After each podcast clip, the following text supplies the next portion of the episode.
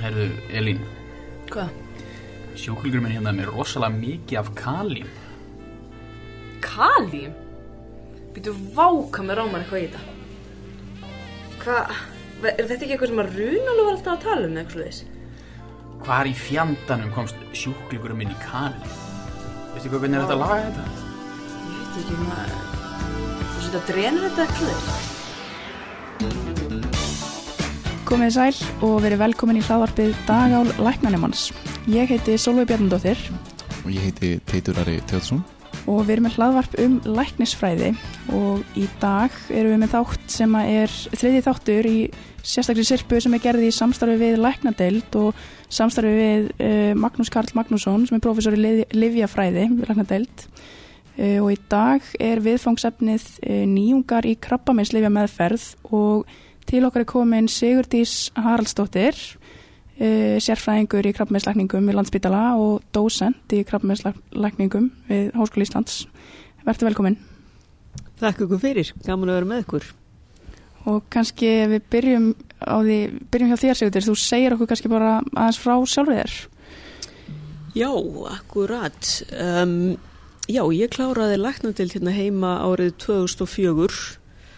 og fór svo í livlæknaprógramið um, út frá því var hérna heima í, í fjögur ár fyrst sem kandidat og svo þrjú sem deildalæknir.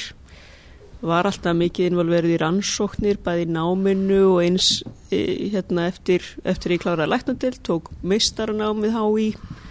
og, og svo held ég utan til bandregjana og fór í almennar líflækningar þar og svo uh, í Boston og svo krabbameinslækningar við uh, Ohio State University. Og hérna uh, kláraði það 2014 og tók á, á sama tíma doktorsnám svo hér heima svona í fjarnámi og vann mikið af þeim rannsóknum úti líka og í, í miklu samstarfi hér við, við HÍ og Íslenska erðagreiningu og síðan var ég sem sérfræðingur um, úti í sex ár, fyrst við Stanford Háskóla og svo setna við Dana-Farber Cancer Institute í Boston. Og svo ný komin heim, bara flutti heim hérna í, í júli, gaman ára komin heim til Íslands. Já, ertu velkomin heim. Já, velkomin, gott að fá gott fólk heim. Um, en sko, hvað er, er það eitthvað svona sérstætt sem, um, eða svona, hvað er það sem landsbítalinn gerir vel? Er það eitthvað sérstætt sem þið finnst við gera betur hér en til dæmis úti? Góð spurning, ég, myna, ég held að það sé náttúrulega margt jákvætt við, við landsbítalan. Þó svo það ná kannski ekki oft alveg fram í umræðuna eins og hann er þessa dagana. En, en ég myndi segja það að við til dæmis höfum mjög stuttar boðleiðir. Um, það er auðvelt að, að ná í fólk á landsbytalanum sama hvort það eru ung, unglaknarnir eða aðri sérfæðingar um, og hérna og mjög samvinnan milli, milli stjætta mjög góð. Til dæmis eru við mikið á svona ekslisfundum með uh, skurlæknum, patológum rönginlæknum og þetta er virkilega kollegialt og, og skemmtilegt samstarf þar á milli En er eitthvað, hvað er það kannski það helst sem þú saknar við að starfa í bandaríkanum? Já, önnur, önnur góð spurning, það er auðvitað margt sem að maður saknar en, en ég myndi kannski segja að helst er það svona hvað var það rannsóknir, klíniska rannsóknir að við þurfum að standa okkur betur þar og hérna um, auðvitað vann maður úti í stórum teimum með fólki sem að fókuseraði á þetta og, og mér, ég sakna þess svolítið að, að við erum svona svolítið svona einn e, sitt í hverju hortinu að, að vinna að kannski svipuðum hlutum og hefðum bæði getað ekki samstarf mellir greina samstarf við, við grunnvísindin. Margt mjög gott að gerast bara neyru á læknagarði. Og þó svo að sé stutti yfir í læknagarða þá virkar það einhvern veginn afskaplega langt í burtu og það á ekki að vera þannig og þetta er svo að tímin, ég menn fólk eru þetta mjög busy í klíniskri vinnu og það mætti gefa meiri tíma til, til rannsókna. Og hann stendur þetta til bóta ef það er mikil umræð um þetta núna sem betur fer. Hljómar alltaf eins og að séu sóknar tækifæri fyrir hendi. Heldur betur. En ef við vindum okkur þá kannski í, í efni þáttarinn sem eru nýjungar hérna í, í krabbamins liða meðferð um, og við ætlum að byrja á að fjalla um svona marksækna meðferð. Um, þannig að uh, sko krabbinslega meðferð hefur um, áratöfum saman svona beinst að uh, frumu drepandi livjum, ósértækum. En á síðustu árum hafa orðið uh, mikil strömmkvörf með tilkomin nýra liðaflokka um, og þá sérstaklega með tilliti til svona marksækna livja eða targeted therapy. Um, sko gætir þú kannski aðeins byrja að segja okkur frá sko, hver var í munurinn á þessum marksæknu livjum annars vegar og svo þessum hefðbundu livjum sem, sem krabba minn svona lækningar hafa verið kendar við? Akkurat, já, það eru ótrúlega margt spennandi gæst í þessu fæi á síðustu 10 til 15 árum. Og til að ræða aðeins um mismunin á milli þessara eh, tvekja flokka að, að þá myndum að segja að hinn hefðbundu krabbaminsleif, svo kalluðu sítostatísku lif, að, að þau virka í rauninni mjög ósértækt og virka flest á, á frumur ringin um, þá annarkort í S-fasa þegar DNA er að skipta sér eða í M-fasa þegar frumur eru að skipta sér og, og þar af leiðandi virkaðu þetta á frumur sem eru hæðri skiptingu en líka aðrar frumur sem eru að skipta sér og, og getur því haft talsverðar aukaverkanir för með sér. Á meðan að marksæknar meðferðir að þær eru þá að virka meira sértækt og, og fyrir hans eftir meðferðni hvað það náttúrulega virka á en markmið er að reyna að finna eitthvað sem að drýfur krabbameina áfram, drýfur krabbameinsvömmunar áfram og svo geta sértækt hamið það og það getur þá verið tiltekin stokkbreytingi á hvernig geni eða til dæmis yfirtjáninga á hvernig próteinum í krabbameinum um, og þarna hefur orðið gríðarlega framföru á undanförnum árum og við erum svona sko, vísundin er að verða betri og betri í að, að skilgreina nákvæmlega hvað drýfur áfram krabba meinin og, og þannig við getum virkilega beitt marksæknum meðferðum um, þar og og, og, í, í fjöldan allan krabba meinum eru fann að gera þetta. Og getur þú nefnt svona einhver dæmi um target fyrir þessi marksæknu lif? Einmitt, einmitt Til dæmis má nefna að í, í lúnakrappameinum að þar í svona 10-15% lúnakrappameina sjáu stökkbreytingar í, í geni sem að heitir EGFR og stendur fyrir Epidermal Growth Factor Receptor og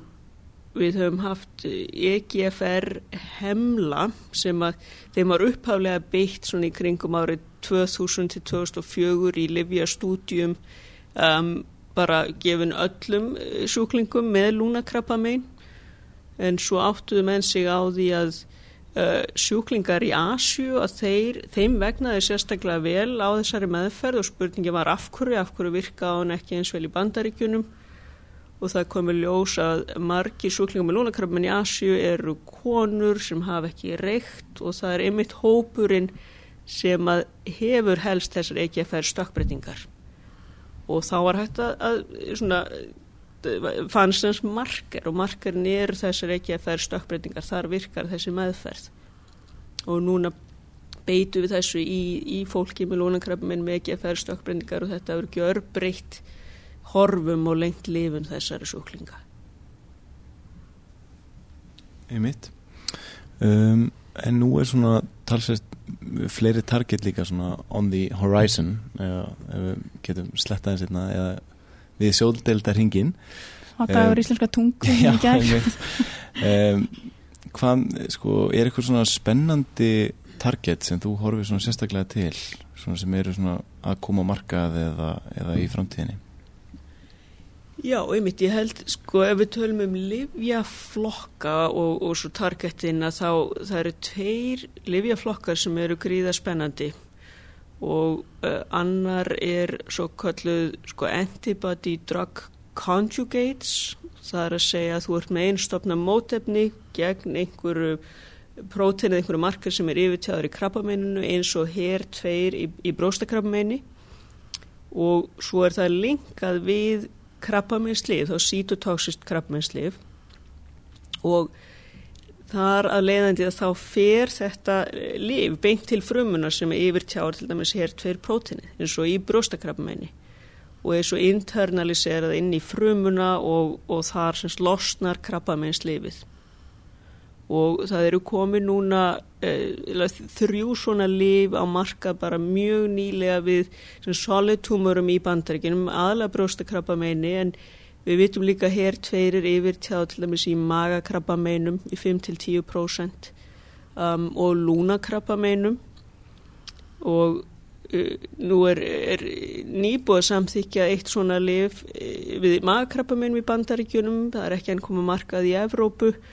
Og, og það er mjög spennandi stúdja núna nýleg bara fyrir tveim-þreim mánuðum í New England Journal of Medicine þar sem að verða að skoða lúnakrabbamein sem að yfir tjá hér tveir gerist í svona 2-3% tilfella og, og það var að gefa alveg gríðarlega góða raun þannig að um, mjög spennandi data og, og einmitt sko gott að geta nota þetta í fleiri en einu tegundum krabbamein að það sem að hér tveir einhvert yfirtjáning eða stökkbreytingar um, klárlega drífa á framkrappaminnið. Þetta munum sjá meir og meir af þessu í framtíðinni. Og kannski til að nefna einn flokkinni viðbúta það, það eru þá svo kvöldu bispecific antibodies, það er að segja að það eru einstofna mótefni sem eru með eru tvo receptora, annars vegar er verið að targetera CT3 á T-frumum og, og svo hins vegar eitthvað prótein sem er yfirtíð á krabbuminsfrumu og það er mjög fálið konar markað en, en ég held við hefum eftir að sjá mikla þróun í þessu á komandi árum. Og til dæmis bænt ykkur á að í New England Journal of Medicine bara núna fyrir um mánuði að þá er stúdija í, í juvél melanóma eða sortvægslum í auga þar sem var verið að beita svona bispecific antibody gegn CT3 og GP100 sem er yfirtjáð í þessum ægslum og, og uh, gaf góða raun. Meina, þegar það kemst inn í New England Journal of Medicine þá gefur það góða raun. Þannig að ég, það verður mjög spennt að fylgjast með þróun þessa lifjaflokks í framtíðinni. Þannig að þetta eru þá einstaklega móturnir sem í rauninni leiða ónæmiskerfið að þeim frumum sem við erum að reyna að beina því að, eða hvað? Akkurat, akkurat, einmitt, þannig að það er unni dregur tjefrumuna, þess að tengi setið þreymur á tjefrumunni, dregur tjefrumuna að krabbamennsfrumunni og, og þannig hún á að þekkja og, og ráða niðurlega um krabbamennsfrumunar. Og ég held að þetta sé þá svona ágætti segvei aftur mennskuna yfir í næsta, næsta svona uh, flokklifja sem eru þessi ónæmis örfandi lif sem við viljum aðeins uh, ræða líka.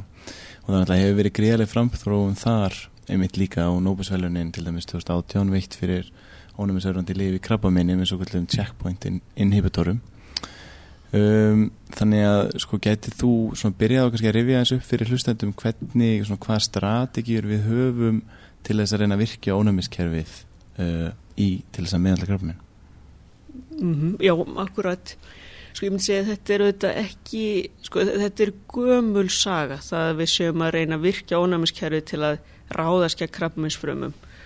og, og, og, kannski byrjaði almenlega með sortu ægslum þar sem að krabbaminnslif hinn hefðbundu sítotóskuli virkuð aldrei vel. Og þar voru, voru mennfarnir að nota indulógin tveir infúsónir með verkun hjá svona 5-10% sjúklinga, þetta var gert í mínusérnámi og, og, og fyrr og eins interferón gamma. Um, það er ekki nýsaga en auðvitað, það var ákveðið breakthrough í þessu. Auðvitað fyrir 2018 en þeir fengu Nobelsvælunum 2018 þegar um, vísundamenn annars vegar við MD Anderson og hins vegar í Japan höfðu uppgötað þessa það sem við kallum varð hemla og annar heitir CT11 og, og hinn heitir PT1 skástrygg PT11 um, og til að ræða eins um, um þauglif því að það, það er náttúrulega það sem við erum að nota í dag og það sem við erum að sjá alveg gríðarlega hraða þróun og, og góða verkun hjá, um, hjá mörgum sjúklingum. Að CT11 er sem sagt í rauninni heimill á tíu frumu virkni. Og, og þetta ásér þá staðið er upprekulerað þegar ónæmiskerfið virkjast til að reyna að hemja ónæmiskerfið svo að það verði ekki, svo við lendum ekki sjálfs ónæmi um, og þetta, þetta sétjallar fjóri virkar aðlega í eittlum og í meldingarvegi þá þegar tjefrum fær fyrsta hitta antigen, eða antigen presentation og, og, og semst fyrsta lifið í þessum livjaflokki var 74 hemil sem að heitir Ipilimumab og gaf fyrst mjög góða raun í, í sortuækslum. Setni, e, setni varðheimillin er PT1 sem að beins og PTL1 og hemur tjefrumun og þetta gerist meira út í vefjum og það út í, í, í krabbameinu sjálfu og krabbmeinsfrumunar geta tjáð á yfirbáru sinu PTL1 til að valda anergíu hjá tjefrumunu þegar tjefruman uh, hittir krabbmennsfrumuna og nú eru þá komnir bæði PT1 og PT1 hemlar sem að hemja þetta um, þetta respons eða hemja þessa anergíu. Og, og hérna hefur verið greiðlega hröðþróun og nú komin um sex mismöndi liv á markað um, sem að hemja PT1 eða PT1 Akkurat og bara greinilega margt í gangi eh, en kannski ef við komum að því hvernig við veljum lif fyrir þessa sjúklinga. Þar sé að það getur reynst kannski erfitt að e, vita nákvæmlega hvaða sjúklingar munir svara hvaða livjum þannig að getur aðeins fara með okkur í gegnum það e, bara svona hvernig það virkar í, í klínikinni þú veist, þú ert með sjúkling sem að greinist með lúnungrappamein e, og hvernig snýrðu þau í því að velja lif fyrir hana sjúkling Já, einmitt góð spurning. Og ég myndi segja þetta er auðvitað mismunandi fyrir mismunandi tegundir krabbameina. En, en ef við ræðum einmitt til dæmis lúnakrabbameinin að þar auðvitað þurfum við gríðar góða samvinnu við meinafræðinga og sameindafræðina því að hér þurfum við að, að byrja á því að stökkbreyti greina ekslið og aðtúa eru stökkbreytingar í EGFR um, eða translokasjónir í allt og ROS einum, það eru fjölmörg target sem við, við skoðum fyrst og erum þá þetta velta fyrir okkur getum við nota eitt af þessum marksæknu livjum á sama tíma þá litum við líka fyrir PTL einum á krabbmennsfrömmunum og ef að tjáningin er mjög há yfir 50% þá getum við nota þetta ónæmisörfandi liv eitt sér. Ef að þetta er allt neikvægt þar sem við finnum engar marksæknar stökkbreytingar PTL-1 er lægir en 50% að þá erum við að beita þessum hefbundu krabbameinslefjum en yfirleitt með ónæmisörfandi lefi því að það hefur gefið betri raun ef að maður kombinera það Getur aðeins svona fara með okkur í gegnum það? Mm -hmm. Einmitt að auðvitað afturskiptur öllu máli nákvæmlega hvaða tegund krabba meina við erum að tala um en ef við kannski koma eins aftur að sortu ægslunum að þetta hefur skipt greiðarlega miklu máli þar. Og reynlega að því að þessi sítotóksisku liv sem að voru um, það eina sem við áttum hér í gamla daga bara virkuðu svo illa. Og, og þannig að í sortu ægslum að þá hefur þetta gjörbreytt horfum í, í sort og æslum erum annarkort að beita ónæmisörfandi meðferð eða e, svo kallum bjeraf og mekkhemlum og ef þau munið eftir mappkínasa ferlinu að þá er bjeraf og mekk í, í, í því ferli. Og um 50% sort og æsla erum við stökkbreytingar í bjeraf þannig að ef við finnum það þá getum við beitt þessum hemlum. En ef ekki þá eru við að beita ónæmisörfandi meðferð og, og til að taka dæmi um sko, hversu miklu þetta hefur breytt að þá til dæmis sko tveggjára lifun í sort og axlum á stíi fjögur var um 10% að þessi lif kom til sögunar og núna er hún um 60% og við erum fjölmarka sjúklingar sem, a, sem að lifa í, í mörg ár á þessum meðferðum. Það greinlega gjör breytt svona leiknum um, en því vorum að tala um ónæmis örfandi lifin þar sem við erum með þessa þetta CTL4 og, og PTL1 sem uh, snýra því að reyna að hemmja þetta ónæmissvara þegar við hemmjum uh, ónæmis þegar við hemmjum þá sem er að reyna að hemmja ónæmissvari þá fáum við aukna svörun frá ónumiskerfinu um, og þá komum við að svona þeirra spurningum um aukaverkanir svona hverjar eru þar helstu aukaverkanir af þessum ónumis örfandi livjum og hvernig, get, hvernig getið þið bröðust við þeim? Einmitt, einmitt það er mikilvægt að vita það að aukaverkanir þessara livja eru alltaf öðruvísi heldur en þessara sítotoxísku livja sem að, sem að við höfum uh, gefið áður og hérna, eins og þú nefnir að þá einmitt það sem við getum séð er svona óheft ónæmisvar þar sem ónæmisfrumur geta í rauninni ráðist á heilbriða vefi. Og ég myndi segja að það er algengast það eru alls ekki allir sem að fá þetta en það þarf að vera vel vakandi fyrir þessu því að getur annars verið erfitt að byrja að kjensla á þetta. Og, og kannski það algengasta eru húðútbrot sem er, getur bara er auðvelt að meðhandla til lands með sterakremum fólk getur fengið þreitu ég man til dæmis eftir því að ég meðhandlaði eina konu með útbreyttur istilkrabba megin Um, í tvö ár með svona lifi gekk mjög vel. Það eina sem hún fekk var eilítill dermatítis á hvið sem er meðanlega með sterakremi og uh, krabbaminni svaraði mjög vel. Og svo hættu við eftir tvö ára því að það er oft, oft gert. Um, ef vel gengur og svo komu til minn og þá var öll þreita algjörlega farin og henni leiði mikið mikið betur. Þannig að og við vannmetum stundum það að þessi lif geta valdið svo, svolítið þreitu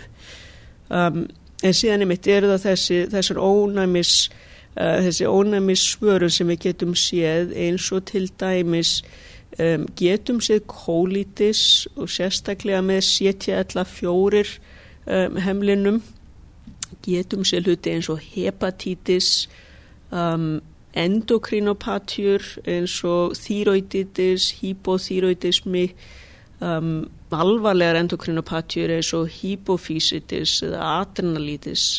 Þannig að fólk getur orðið mjög slaft og mjög veikt og, og mjög auðvitað, mikilvægt að vera vel vakandi fyrir þessu. Og, og svo hitt er, er pneumonitis og þetta sé kannski sérstaklega mikilvægt fyrir lækna að vera meðvitað um það að því að fólk getur presenterað bara með mæði og hósta til dæmis og um, og ef að fólk er ekki að, að, að hugsa um sko á hvaða livjum fólk er, fólk segist kannski vera krabbmeislega meðferða, þá er þetta fyrsta sem er hugsað um er lúnabolga, eitthvað síking. En til dæmis í, í tilfellum pneumonitis að þá er mjög mikilvægt að meðhandla það strax með styrum því að þetta getur verið lífsættulega aukaverkun. Ég mitt, þannig að þú getur svolítið kannski um, nefnt bara uh, flest lífæri sem er í líkamannum og, og bætti við mitt ítis að geta fengið svona, svona ónæmis svar, sjálfsónæmis svar gegn þín eigin vefum með því að leika svona ónæmis kerfi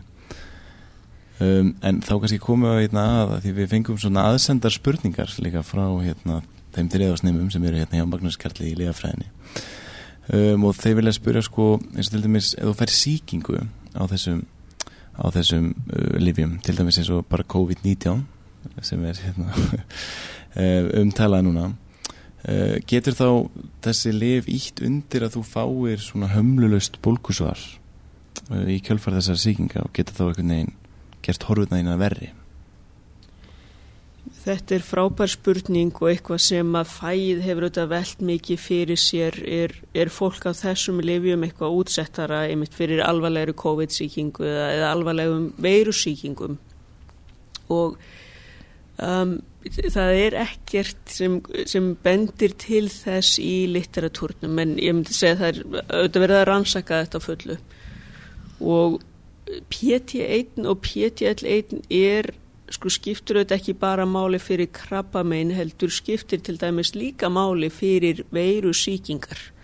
og, og veiru, veiru síkingar í veiru síkingum þá getur orðið yfir tjáning á PTL-einum til að reyna að, að, að forðast uh, sko ónæmi svörun og, og valda tjefrum með anergíu. Og hérna eitt þessara livja pembrolizumab sem er PT1 heimill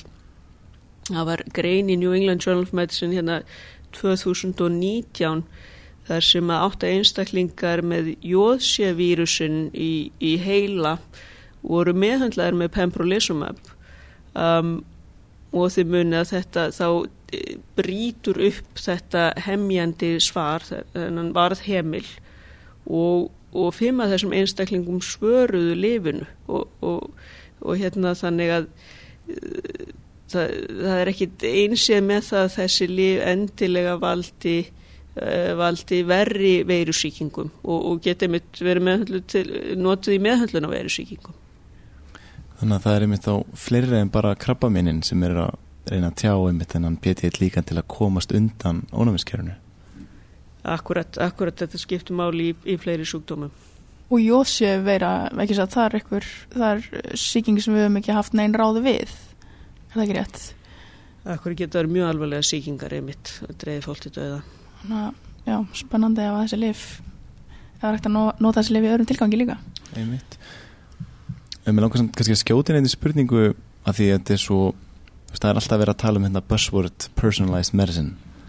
eða það sem við íslega svo kallast sniðilegningar um, og þetta er svona mikið tala um þetta í öllum fræðum og mikið, mikið nefnt í, í öllum litteratúr og þið eru svona komið kannski svona uh, frekar langt í þessum fræðum þar sem þið eru að greina krabbameinin er að reyna aðtuga hvaða stöppbreytingar krabbameinin eru með til þess að reyna að beina sérstaklega meðferð. Haldið að, að krabminslækningar séu kannski komin hvað lengst í þessum sniðlækningum? Í, já, ég, meni, ég, ég held ég, ég verða að svara þessu játandi. Ég held að við séum, séum mjög framarlega í sniðlækningum. Við erum að, að reyna að skilja þetta hvað, hvað drýfur krabbamein áfram hverju getur við þá beitt sem að hefur besta verkun en, en ég myndi líka segja það, það er mikilvægt líka að huga því sem að við myndum kalla snið heilsu, það er að segja e, þegar við hittum fólk með krabbameina þá viljum við reyna að finna þá sem að getur haft argengheilkenni til dæmis sem að allu krabbameininu Þannig að við getum svo testað fjölskyldumæðlimi, fundið þá sem að bera argengheilkenni eins og brakka til dæmis og linsheilkenni sem að eigu líkar á ristilkrabbameinum og öðrum krabbameinum. Um, svo við getum þá skima fólk rætt forvarnir komið í veg fyrir krabbamein þar sem, þar sem hægt er. Ég meit mjög áherskt. En hvaða leiðir uh, höfu núna til að reyna að vika út uh, notagildi á þessum nýju livjum, bæði marksæknu livjunum og ónæmisörfandi livjunum. Það er að segja uh, hvernig getur við uh, hvað, hvernig getur við nota þessi liv í starri hóp þannig að þau getur gagnast fleiri sjúklingum heldur en þau gera, gera í dag. Einmitt, það er mjög góð spurning um, ég myndi segja auðvitað hvað var þann marksæknu livin að þá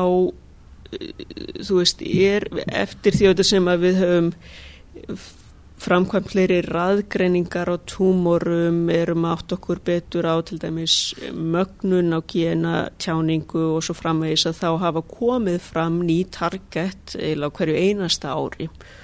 Og, og til dæmis það nýjasta nýja núna á síðustu einu til tveimur árunum eru líf sem að geta targeterað kára stökkbreytingar. Káras er náttúrulega stökkbreytt í alveg gríðarlegum fjöldakrabbameina ja. og, og, og, og ká, semst, vísindi, vísindaheimurinn hefur reynt að, að framleiða kárashemla í áratýi en ekki tekist þar til núna fyrir tveimur árum gegn einni stökkbreytingu eh, G12C og þetta hefur að gera með sagt, bindi grúfið á, á próteinu og þannig að það er alveg skriðalega spennandi þannig að, að hverju áru verður að finna ykkur ný target og ný liv gegn þessum targetum. Hinn spurningin sem að fíldið er að vinna í auðvitað full er hvernig getur við látið þessu ónæmisörfandilið virka fyrir alla og ónæmisörfandilifin eru eru auðvitað þess eðlis að þau kenna ónæmiskerfin að þekkja krabminsfrömmur og eftir að ónæmiskerfi læri það þá getur maður auðvitað þeoretist stöðvað þessi líf og ónæmiskerfi heldur áfram að þekka krabbaminsfrömmur og það er það sem hefur verið gert í mörgum stúdjum að vera meðhandli í tvö ára og svo stoppað. Um, og, og þar að leiðandi þá ertu komin með svona hugsanlega lækningu hjá einhverjum sem að er með krabbaminn og stíi fjögur. Þó svo við vitum að það, þessi krabbaminn geta mögulega fundið leiðir fram hjá ónæmisörfandi meðferð. En við vitum auðvitað þessi lif að þau virka betur í svona immunogen krabbamennu, það er að segja krabbamenn sem eru með fullt af bólkufrömmum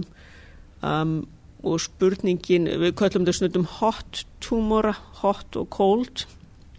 Þess að hot tumorarnir eru með bólkufrömmur og cold tumorar eru ekki með neina, neina bólkusvörun og, og einn spurningin er hvernig getur við breytt til dæmis köldum túmurum í hot túmura það er sem að þessi lif getur virkað. Og höfum við eitthvað að leiðir til þess? Akkurat það er þetta margt sem verið er að, að skoða og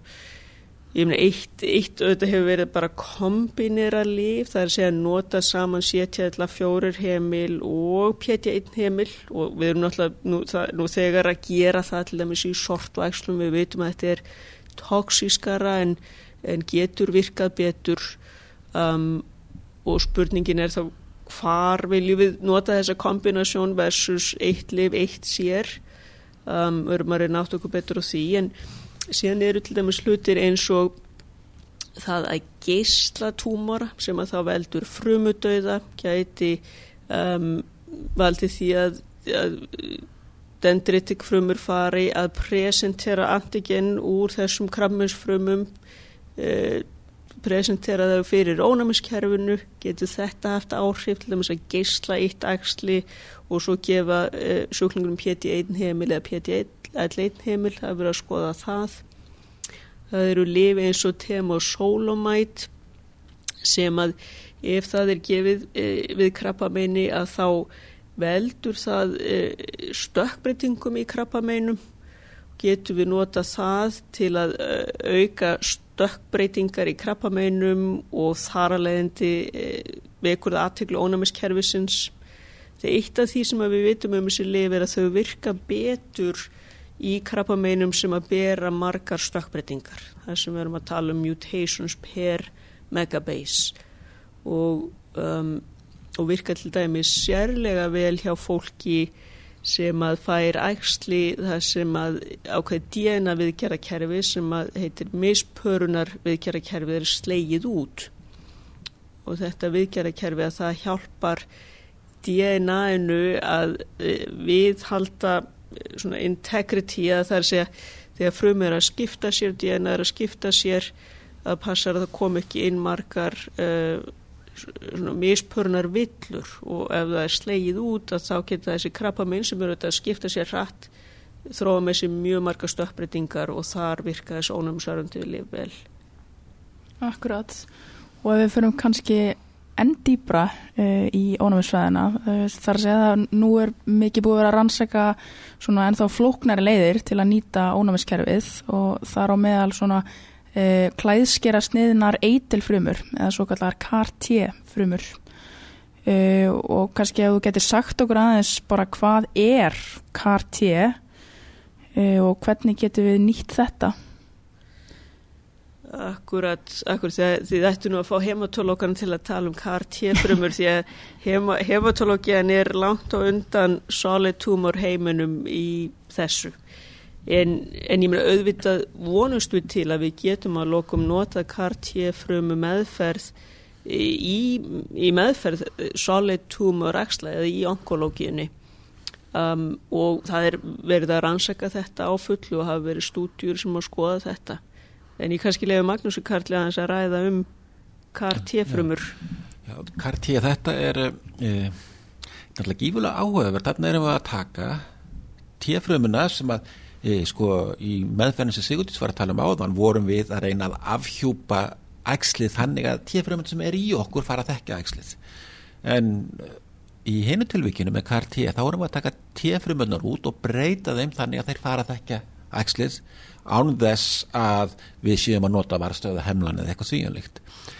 e, og þá er það sem menn er þá reyna að gera er þá að vera að skilgreina gott yfirborðs antigen sem er til staðar á æxlunum og það sem kannski ástæðan fyrir því að blóðlæknar hafa kannski haft ákveðna e, svona e, forskot á, á uh, þá sem er að vinna í, í, í solitúmurum er sá að við höfum verið að beita svona ónæmis meðferði mjög lengi setja 20 og svo framvegis. Þannig að við höfum mjög góð antigen á yfirborðinu. Og, um, og þá eru þeir að nota þessi antigen og það er verið að setja það inn í tjefrumuna og tengja það síðan við e, svona ónæmis sérstaklega ónæmis örfum þannig að tjefrumuna verður alveg sérstaklega virkar. E, þessi lifi eru núna orðin samþygt í ákveðnum tilfellum í bandaríkjónum en það sem kannski verður kannski erfitt að eða, sko, við sjáum verður erfitt að sjá fyrir sér í framtíðinni hvernig getum við gert svona meðferð að meðferð sem að er ekki bara á, á einhverju rannsóknar sjúkrahúsum. Hvernig heimfæri við meðferðinu upp á það að geta unni með hana uh, á venjulegum krabnáminstildum um allan heim. Og ég held að það sé svona svið sem mann er ekki alveg búinur að leysa en uh, það verður mjög spennandi að sjá það en árangurinn í þessum uh, fái tilfelli þar sem þetta hefur verið notað er alveg uh, einstakur og þannig að það er mikil spennað þarna og ég vona að við finnum leiðir til þess fyrsta lagi geta gert meðferð þannig að hún sé framkvæmanlega á venjulegu sjúkrahósi e, og í öðru lagi að við getum þá farið að finna í ægslunum þessar e, kannski vel e, skilgreindu target sem hægt er að, að, að beina tjefurum honum að. Þetta er spennandi og ég ber sýtna á það að þetta verði hluti af tólónu sem við notum í fremtíðinni að þetta er raunin að byggja svolítið á sama prinsipinu og ónæmisörfandi meðferðin. Og við erum búin að læra það á síðustu tíu árum að ónæmiskerfið virkilega getur hamið krabba minn og og ég held að, að Sigurdís hafi mitt líst því mjög skemmtilega hérna hér á öndan Mitt greinilega sko mörg sóknartækifæri og margt sem er svona framöndan Algjörlega. Um, og talandi um það sem er framöndan sko svona bóluefna náttúrulega bóluefni hafa verið mikið umræðinni í, í kjálfar COVID-19 heimsfaraldurs. Og um, sérstaklega þá er þá í rauninni þessi bóluefni frá Pfizer og, og Moderna er rauninni fyrstu svona mRNA bóluefni sem byggja þessa mRNA tækni sem hafa verið samþygt um, til nota í mönnum. Og uh, ég veit til dæmis til þess að, að, að, þetta fyrirtæki hérna BioNTech um, sem framleitur held ég Pfizer bólöfni eða kom með það target hefur verið eitthvað svona velta fyrir sér sko bólusendingu við krabba meinum. Að taka þá eitthvað svona sérstök eitthvað svona uh, antigen þá í tengslum við uh, krabba meinin og reyna þá að príma ónæmiskerfið gegn þessum antigenum mögulega til þess að reyna einhvern veginn uh, áður en fólk að krabba meina að koma fyrir að, að það myndist og progressi um, veistu eitthvað svona getur eitthvað kommentað á sko, bólusetningar í krabba meinum er þetta eitthvað sem, sem er á leiðinni eða hvað finnst þér? Þetta er, allan, þetta er eitthvað sem er pottitt verið að rannsaka og, og verður mjög spennandi að fylgjast með. Og, og til dæmis í, hjá einstaklingum eh, sem að eru í aukinni áhættu út af, út af arkengum heilkennum eins og linsheilkenni að, að þar eh, sko það sem einkennir þau krabbamein er svo kallað microsatellite instability. Það er að segja við erum, við erum öll með, með fjöldanallan mikrosatellitum í erðaefninu en hjá þessum einstaklingum að þá verða þessi mikrosatellites um, stökkbreytast í krabbameinu verða hann hvort stuttir eða, eða langir um, eða óstöðu í raunar. Og það er nokkuð sko predictable hvers konar stökkbreytingar er í þessum ægslum. Það eru sömu stökkbreytingarnar í, í, ægslum millir mismöndi einstaklinga til dæmis Þannig að til dæmis í Evrópu, hérna við University of Heidelberg, að þar er verið að, að þróa bóluefni sem að getur þá kent ónæmiskerfinu að þekkja þess ákveðna mikrosatlæta sem að eru, eru stökkbreytir í axlum og, og gæti því ráðu niðurlögum þessar krabbaminsfuma þegar er koma upp. Bara til að nefna eitt dæm um það sem að er í, í, í þróun. akkurat Einmitt. og merkilegt bara að sjá að öll þessi framþróun hefur einmitt, er í tengslu ónumiskerfi hvort sem það er marksæknu lifin og trista það ónumiskerfi til þess að, að pikka upp eftirstöðunar eða þá bara til þess að glæða ónumiskerfi á einn eða annan átt hvort sem það er in vitro eða, eða in vivo En nú er það kannski svona heitt kartefla í allir þessar umræðu að, að þessi lif uh, og, og ég, ég tala nú ekki um kartjefrumur, þetta er mjög kostnæðarsum meðferð Uh, hvernig sérðu framhaldið með þetta? Ég meina hvernig leysu við, leysu við þetta, þetta vandamál með kostnað? Uh, munu lífun verða ódýrari? Munu við geta bóðið öllum sjúklingum upp á þessa meðferð eða verður þetta bundið bara við eitthvað ríkari lönd? Já, ég mitt önnur góð spurning og þetta er ekkit eitt einfalt svar við þessari spurningu. Ég meina það er auðvitað mörg lifjafyrirtæki að þróa þessi lif þannig að maður sér fyrir sér að, að eftir því sem samkeppnin eikst og við fáum fleiri lif á markað að, að þá geti verðið lækkað. Um, við, við til dæmis hér á Íslandi búum við þá sérstöðu að við getum bóðið út þessi lif þannig að til dæmis þegar við erum að meðhaldla með PT1 eða PT1 hemlum að þá er þetta, er þetta bóðið út einu svona ári og við þá getum keiftinn ódýrasta lefið það árið. Um, þannig að þannig er verið að gera þetta núna. En, en auðvitað þetta er mena, stór spurning, siðferðlega spurning fyrir, fyrir samfélagið að svara. Og auðvitað viljum við tryggja aðgang allra að þessum livjum um, sem við teljum að, að, að þeim gagnist. Einmitt. Um, en við erum þá hérna búin að að gera þessu efni okkar njúkar krabbminnslifi meðferð talsvest góð skil og búin að ræða hérna um, um marksaknar meðferðir og ónámisörfandi meðferðir og það sem er kannski svona helsta framöndan en Magnús Karl, vilt þú hérna koma með einhverja endabúnta hérna inn í þetta? Nei, ég held að ég bæti nú bara litlu við annað en að þakka Sigurdísi fyrir og ég held að sé sérstatt fagnaðarefni að fá Sigurdísi heim e, ég fagnaði mjög og það er alltaf gaman að fá fólk það er alltaf gaman að fá fólk heim. En það er kannski sérstaklega gaman að fá fólk heim sem er búin að ná miklum árangri og, og, og skapa sér uh, svona ákveðna fótfest í sínu ferli. Þannig að það er mikið tillökunar efni fyrir okkur að, að, að fylgjast með sig út í sig, njóta kraftannar og, og uh, bara uh, held að sé fagnar efni og ég held að öll ykkar sem farið inn á uh, læknarnemar og aðri farið inn á krafmestildinnar nippið í Sigurdísi og látið hann að kenna ykkur En þá kannski við snúum þess að þér Sigurdís um, af hverju eiga læknarnemar að velja krafmestlækningar? Ég er svo glöð að þú spurði þessar spurningar því að einmitt, ég ætla einmitt að fara að tala um og, og hveti ykkur til að koma í þetta fag því ég held sko fæið hefur, hefur gjör breyst á síðasta áratug. Um,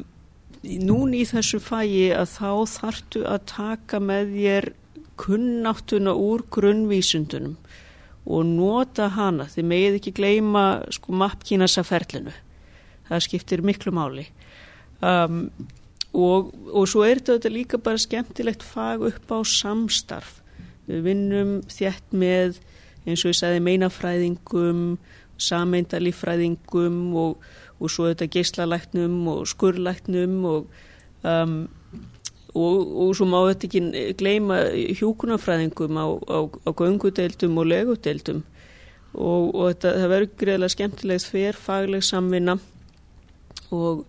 um, ég, ég er hennilega einmitt hvet ykkur til að já, nippi í mig þegar þið komið inn á deltir sannarlega en, en svo bara líka til að koma í fæð það eru spennandi tímar framöndan